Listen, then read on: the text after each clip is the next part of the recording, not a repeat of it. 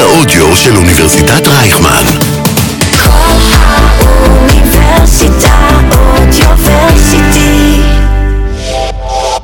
הפודקאסט הלא רציונלי.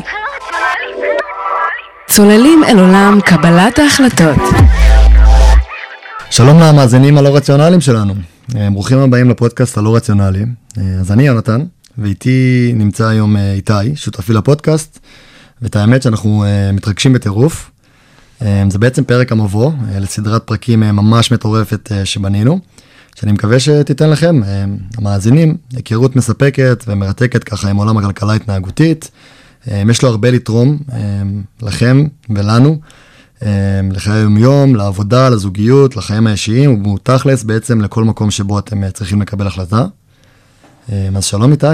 שלום יונתן. אמ, בוא נתחיל ככה, שאלה ראשונה וקלילה, למה בעצם אנחנו כאן? מה כזה מיוחד בכלכלה התנהגותית? כן, למה בעצם אנחנו החלטנו על הפודקאסט הזה ככה באמצע תקופת לימודים, באמת שאנחנו עכשיו נמצאים בתקופת מבחנים. נכון. אז, נכון. אז כאילו מה, מה גורם לסטודנטים אה, פתאום לפתוח אה, פודקאסט באמצע תקופת מבחנים. אה, האמת שאני אשמח אה, לספר איזשהו סיפור, ככה חשבתי מה, מה, מה להגיד, וזה, אני חשבתי לקחת אותנו לסיפור שככה התחלתי לחקור את העולם הזה של כלכלה התנהגותית. אז בעצם אני בניו זילנד, ככה עובר בין הוסטלים, נהנה לי מהנוף, ובאיזשהו שלב החלטתי שאני רוצה ככה להתחיל להתכוונן לקראת שנה הבאה. אה, והתחלתי לחקור על מסלולי לימוד שמעניינים אותי.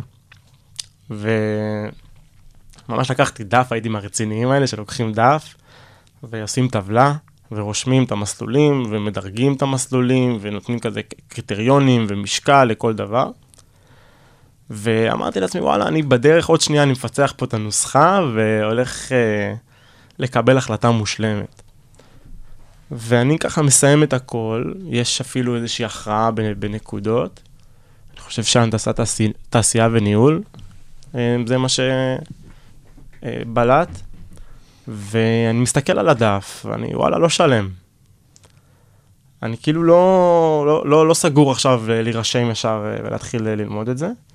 ורק כמה חודשים אחר כך התחלתי לחקור, לדבר יותר עם אנשים, ו- ובעצם הכנסתי עוד איזה מימד גם של להבין רגשית אם זה משהו שאני רוצה לעשות ועם הסיפור חיים שלי, והבנתי שאני לא רוצה להיות מהנדס, זאת אה, הבנה די חשובה. כן, חשובה בשלב הראשון לגמרי.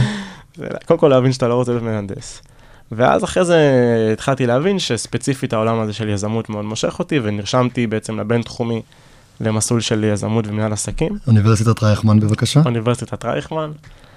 אמ, וזהו, ואז הסתכלתי כזה אחורה על התהליך שעברתי, וזה עניין אותי, כי כביכול אה, ניסיתי להפוך את זה למאוד הגיוני, ו- ומאוד אה, על, על הנייר כזה שחור לבן. והבנתי שזה לא, לא הספיק. ובעצם גם הרגש באיזשהו שלב אה, הוביל אותי ולקח אותי, אותי לכל מיני מקומות שלא חשבתי שאני אגיע אליהם. של זהות שלי עם עצמי, ומי אני רוצה להיות, ואיזה סיפור אני רוצה לספר לעצמי, ואיך ייראה הפרק הבא שלי בחיים. ובעצם גיליתי שזה עולם שלם של, אה, לימים הבנתי שקוראים לזה הטיות, כן, הטיות בטית, אה, לא הטעיות, ובעצם גיליתי שזה עולם שלם של, של חשיבה ו- ו- ומערכת קבלת החלטות שעובדת מאחורי הקלעים, שלפעמים אני מודע אליה ולפעמים אני לא מודע אליה. ומאותה נקודה התחלתי גם לפתח מחשבה שאנחנו בעצם אוסף של קבלת החלטות, זה, זה ככה החיים שלנו אה, קורים, ובעיקר גיליתי ש, שזה התחום הזה מרתק אותי. התחלתי ככה לקרוא את כל הספרים של דן אריאלי, ואחרי זה דניאל כהנמן שנדבר עליו. ומצאתי באמת משפט יפה שאמר קרל יאנג, אמ, עד שלא תהפוך את התת מודע שלך למודע, הוא ינהל את חייך ואתה תקרא לזה גורל. וככה התגלגלתי, שנה ראשונה בתואר, נרשם למלא מועדונים, מתקבל לאחד, וזכיתי ככה להכיר את אמבר שהקימה את המועדון, והזמינה אותי גם בסוף השנה לנהל את המועדון, ביחד איתה, ולימים גם לפתוח את הפודקאסט הזה. אז הנה, אנחנו בעצם מביאים את הדבר שהכי מטריף אותנו בלימודים, זה בכלל לא התואר ספציפית והקורסים, זה, זה בעצם משהו שנחשפנו לזה תוך כדי הלימודים. טוב, אז בואו נדבר רגע בעצם אה, מה זה כלכלה התנהגותית. אה, ככה נסביר למאזינים שלנו, אה, נראה לי בפעם הראשונה, כן, אז כאילו ממש בא לי להתחיל כזה בפשטות להסביר, אבל אני חושב שאנחנו פודקאסט שמכבד את עצמו, אז אנחנו גם נביא את ה, את ה, ממש את ההגדרה של זה, הגדרה מקצועית. אז, אז זה אולי, אנחנו נדבר פה המון על פסיכולוגיה בפודקאסט הזה, והמון על אה, רגש והורמונים ותת מודע וכל מיני עולם של. כן, מדעי, מדעי המוח, מדעי ההתנהגות, ובכלל זה ענף שהוא ממוקם ב, ב, במחקר הכלכלי, שמשלב פסיכולוגיה. אמ, ולמה הוא ממוקם בענף הכלכלי? כי הענף הכלכלי ועולם קבלת ההחלטות, תורת המשחקים, אמ, הוכנס תחת עולם של כלכלה, של האדם צריך לקבל החלטות uh, כדי למקסם רווחים, זה האדם הכלכלי, כלכלה הקלאסית. Um, וזהו, אז, אז כלכלה התנהגותית זה בעצם ענף בתוך התחום הזה שחוקר את ההתנהגות um, במימד הלא רציונלי שלה. זאת אומרת, אם אני עכשיו מסביר את זה בפשטות, זה סך כל ההשפעות הפסיכולוגיות שעובדות עלינו, כשאנחנו בוחרים דברים, זה יכול להיות בחירה פשוטה של מה לאכול בבוקר, קורנפלקס או חביתה או לא לאכול כלום, רק קפה. וזה יכול להיות החלטות יותר מורכבות של um, איפה לגור, או האם לקחת משכנתה ולגור בבית הזה, או לקחת, כאילו, ממש כל החלטה שאנחנו לוקחים, זה נמצא שם, הכלכלה ההתנהגותית נמצאת שם.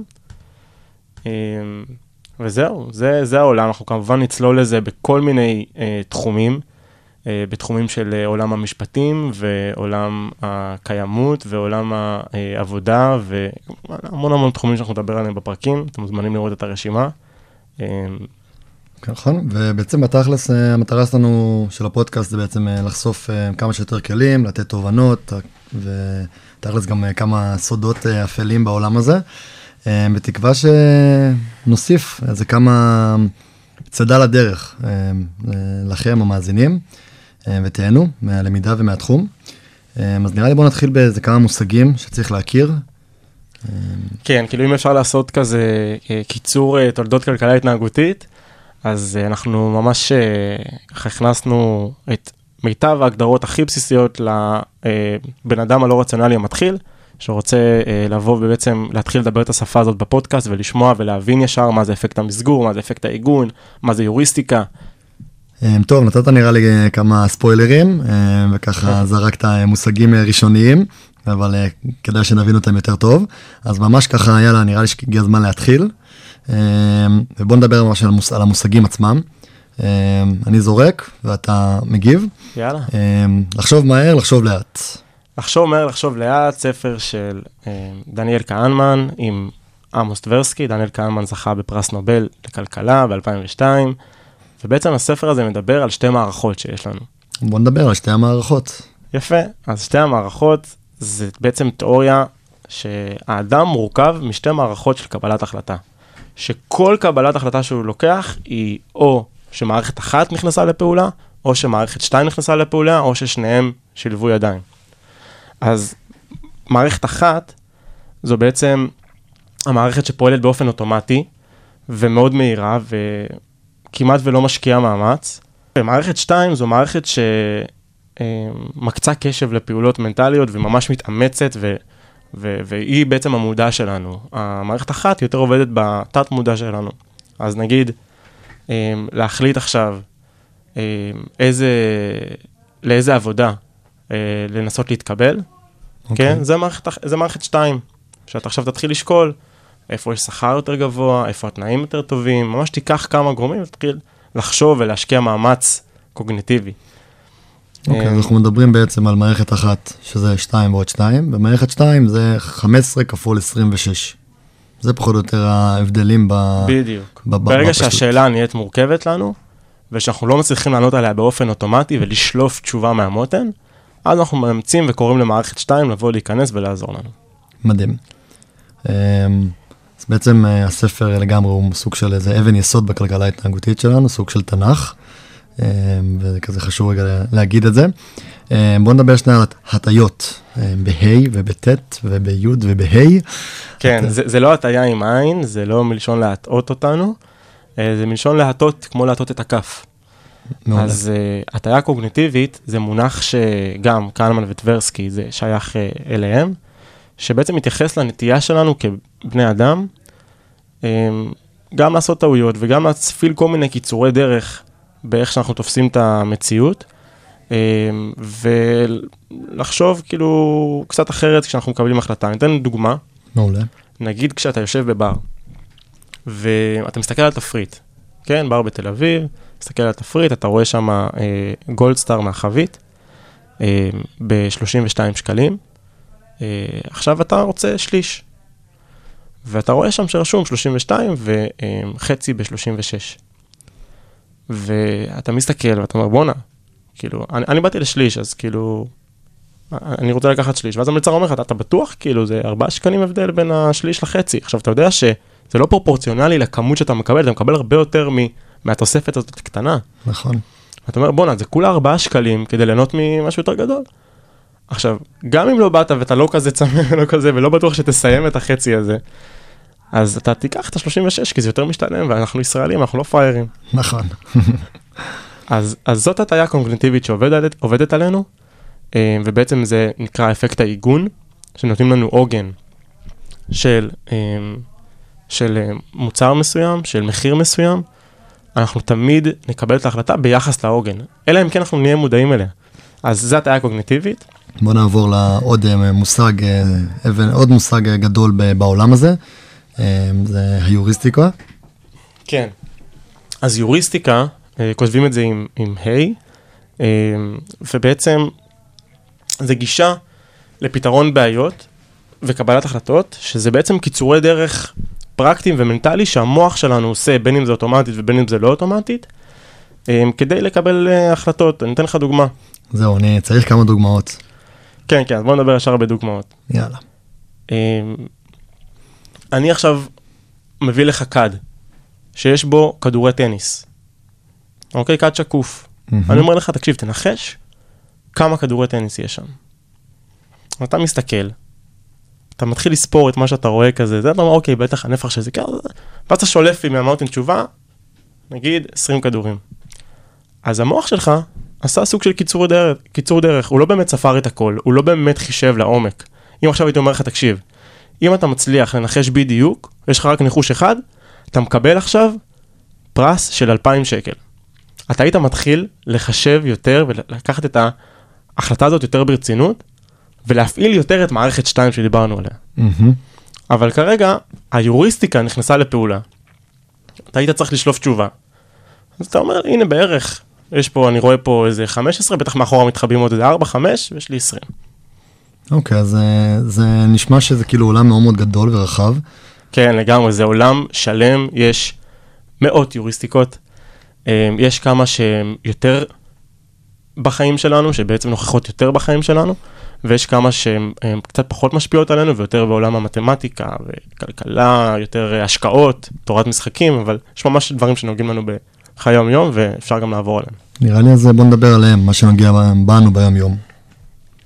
יאללה, מעולה, אז ניקח נגיד את יוריסטיקת הזמינות, שזה בעצם זה קיצור דרך, שכל פעם ששואלים אותנו אה, שאלה, אז אנחנו תמיד ניתן, נסתמך על נתונים שקל לנו לשלוף, שבעצם זמינים לנו מהראש, ובגלל זה קוראים לזה יוריסטיקת הזמינות. לדוגמה, אם אני אשאל אותך, יונתן, מה יותר סביר, אה, או מה יותר מסוכן, אה, מה יותר גורם למוות, בסדר? אה, תאונת דרכים או מחלות כליה? נשמע לי אה, תאונת דרכים, זה משהו שכנראה קורה יותר, בתדירות יותר גבוהה. יפה, אז פה בעצם אתה השתמשת במערכת אחת, שבאה ואמרה לך, "אה, תקשיב, קח, זה המידע שאתה צריך לקבל את ההחלטה. אה, אתה לפני שבוע, שבועיים, שמעת על תאונת דרכים, או שנתקעת ב-Waze, כאילו בגלל תאונת דרכים, אז, אז, אז כנראה שזה קורה הרבה יותר, ואתה בשבוע, שבועיים האחרונים נתקלת באפס פעמים של מחלות כליה, נכון, אני מקווה. אני מקווה גם. ולמרות שבעצם התשובה היא הפוכה, זאת אומרת, יותר אנשים מתים ממחלות כליה מאשר מתאונות דרכים. אוקיי, אז בעצם את מה שאתה אומר, זה שבגלל שקרה לי משהו אה, לא מזמן, אז, אז, אז הראש שלי, המח, המחשבה שלי, אה, הולך למ- למקום הקל יותר ואומר, אוקיי, הסיבה שהסיכוי, ההסתברות שזה יקרה, הוא הרבה יותר גבוה מהסתברות של משהו אחר. שיקרה. נכון. וחשוב להגיד, זה לא משהו שהוא אה, טעות. זאת אומרת, זה לא משהו שהוא לא בסדר ואנחנו צריכים להגיד לעצמנו, איזה באסה, אנחנו כאלה גרועים, האומדן שלנו מוטה, אנחנו פשוט צריכים להיות מודעים לזה. שיש סיכוי שאנחנו מקבלים החלטה על בסיס יוריסטיקת הזמינות. על בסיס מה שכרגע זמין לי בראש. אוקיי, אוקיי, אוקיי. אה, אנחנו מתחילים, אני כן. ממש מרגיש שאנחנו כבר בפנים. אז אתה אה, מוכן לעוד אחד? אני חייב עוד אחד. יאללה, אז יש לנו את היוריסטיקת העיגון עם עין, אה, באנגלית anchoring, שבעצם מדברת על זה שאנחנו נותנים יותר חשיבות על איזושהי פיסת מידע, שבעצם היא מהווה את העוגן, כמו שדיברנו על, ה, על הבירה, לצורך העניין. אבל עוד דוגמה ממש חזקה, שכמעט בכל סופר או בכ- בכל חנות אה, דיגיטלית אנחנו רואים את זה. אה, אתה יודע, לא מזמן הייתי, ב- אתה מסתכל באינסטגרם, ב- ב- בסטורי, פתאום קופץ לך פרסומת. אתה נכנס לפרסומת, ראיתי פרסומת יפה לצלייה, אני נכנס לפרסומת, ואני רואה שם שכל החנות בהנחה.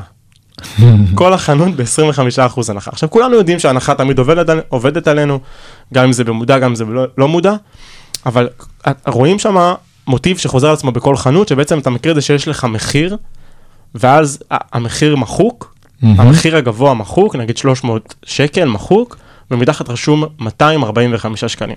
לגמרי. אז זה בעצם אפקט העיגון. כי גם אם נרצה וגם אם לא נרצה, וזה משהו שחשוב שהמאזינים יקשיבו, גם אם הם ראו את הטריק הזה מיליון פעמים, הטריק הזה עובד עליהם. למה? כי מערכת אחת כבר קיבלה בשבילנו החלטה. זה משתלם הרבה יותר ממוצר רגיל שעולה 245 שקלים. הבנתי אותך. אני אתן ספוילר קטן, שבהמשך אנחנו אה, אה, נארח את אה, דנה, דנה טבת, אה, ונדבר על זה, על העניין הזה של אה, מחירים ומבצעים ואיך זה משפיע עלינו. ונקווה שהמאזינים שלנו ירוויחו ויחסכו ככה יותר כסף ויקבלו החלטות יותר אה, נכונות בתחום השופינג. אה, אני רוצה להוסיף משהו קטן אה, לגבי כן. הוריסטיקת העיגון. אה, עוד איזה עולם שאנחנו רואים את זה, זה במשא ומתן, שזה משהו שהוא מאוד מאוד חזק שם. ואם ניקח את זה רגע לעולם שלנו כסטודנטים, אפילו ב... שמתמקחים על שכר.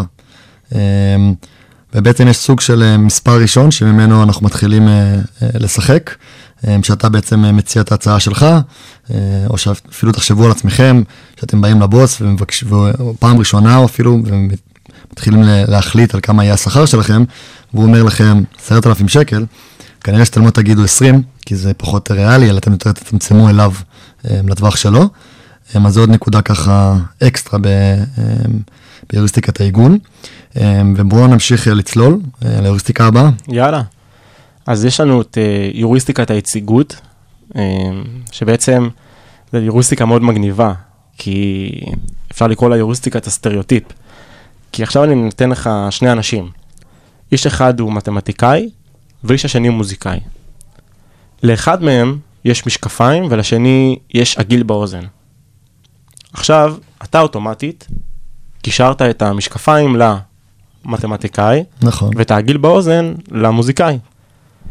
וגם אם זה נכון וגם אם זה לא נכון, הסטריאוטיפים והקטלוגים שאנחנו עושים במוח משפיעים לנו על קבלת החלטות גם אם זה עכשיו אנחנו מגיעים לסביבה חברתית חדשה ואנחנו רוצים לבחור את החברים שלנו, אז המוח שלי ישתמש פה בכמה יוריסטיקות, הוא גם משתמש בזמינות, זאת אומרת החברים האחרונים שרכשתי, איך הם נראו, וגם הוא ישליך על זה, אוקיי, אז אם הוא נראה ככה, אז יש יותר סיכוי שאנחנו נתחבר, כי יש לו, אה, לא יודע מה, אה, הוא לבוש כמוני, או הוא מגיב כמוני, או הוא מדבר כמוני, או הוא מחייך כמוני, או באנרגיות כמוני, אז אני, אני אחשוב שאני יותר, עכשיו יש המון דברים שההיוריסטיקות האלה עוזרות לנו לקבל החלטות נכונות.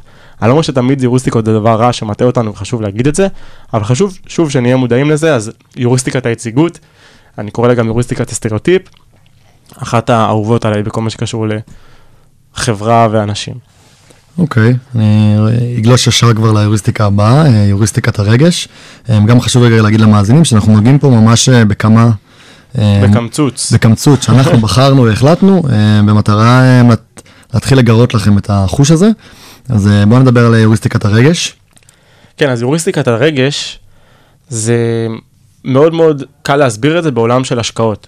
כי עולם של השקעות זה עולם שאתה אמור להשאיר את הרגש שלך בצד, ולפעול כפי, כפי האדם, כאילו, כמו שהאדם הכלכלי היה נוהג, נכון? למקסם רווחים בכל החלטה. עכשיו, יש לך תיק של מניות, אוקיי? ואתה רוצה לבנות אותו ולשפר אותו משנה לשנה, ואפילו חוקרים ואפילו אנשי מקצוע, כן? אה, יועצי השקעה, אה, גם הם ייטו ללכת עם הרגש ולהגיד, אוקיי, אני מאוד מאוד אוהב את את, את מניית אפל, כי יש לי גם אייפון, ואני גם ש- שמעתי את ה... יש באז כזה סביב אה, חברה כזאת גדולה, ו- ויש לי יותר, כאילו, גם כשאני רואה את הנתונים, אני רואה שיש חברה שעוקפת אותה פה, בסדר? חברה מסין שעוקפת אותה, אבל לא, לא, אין סיכוי כאילו שזה קורה, ו- ואני הולך עם אפל כי, כי אני, אני יותר רוצה. עכשיו, כלומר, אתה מפעיל רגש במקום שכעיקרון לא צריך להפעיל רגש. לגמרי. אוקיי, אז זה בעצם ה- היוריסטיקה, ה- יוריסטיקת הרגש שלנו, על זה היא יושבת ועל זה היא מדברת, שהיא תכלס מניעה אותנו בהרבה, כנראה בהרבה דברים בחיים שלנו ובהרבה החלטות שאנחנו עושים. אמ, אני כאילו מכאן, אה, מעולם ההשקעות, אה, עלה לי אה, עוד איזה נקודה שנראה לי כדאי שנדבר עליה, אמ, זה כל הנושא של בעצם סיכון. אמ, נכון. יש אנשים כמוני שמאוד אה, שונאים סיכון, ויש אנשים שהם כאילו יותר אוהבים סיכון, אם אפשר לקרוא לזה, או לפחות ככה אמ, אני רואה את זה בתור אחד ששונא סיכון. אז אולי אתה יכול לתת לי שנייה גם את זה, את ההסתכלות אה, הכלכלה ההתנהגותית על זה. אז בעצם אנחנו יכולים לשחק משחק, שבו אני אגיד לך, יונתן, אתה יכול לקחת עכשיו 50 שקלים, בוודאות, או שאנחנו נטיל מטבע, שאם יוצא עץ אתה מקבל 100 שקלים, ואם יוצא פאלי, אתה לא מקבל כלום.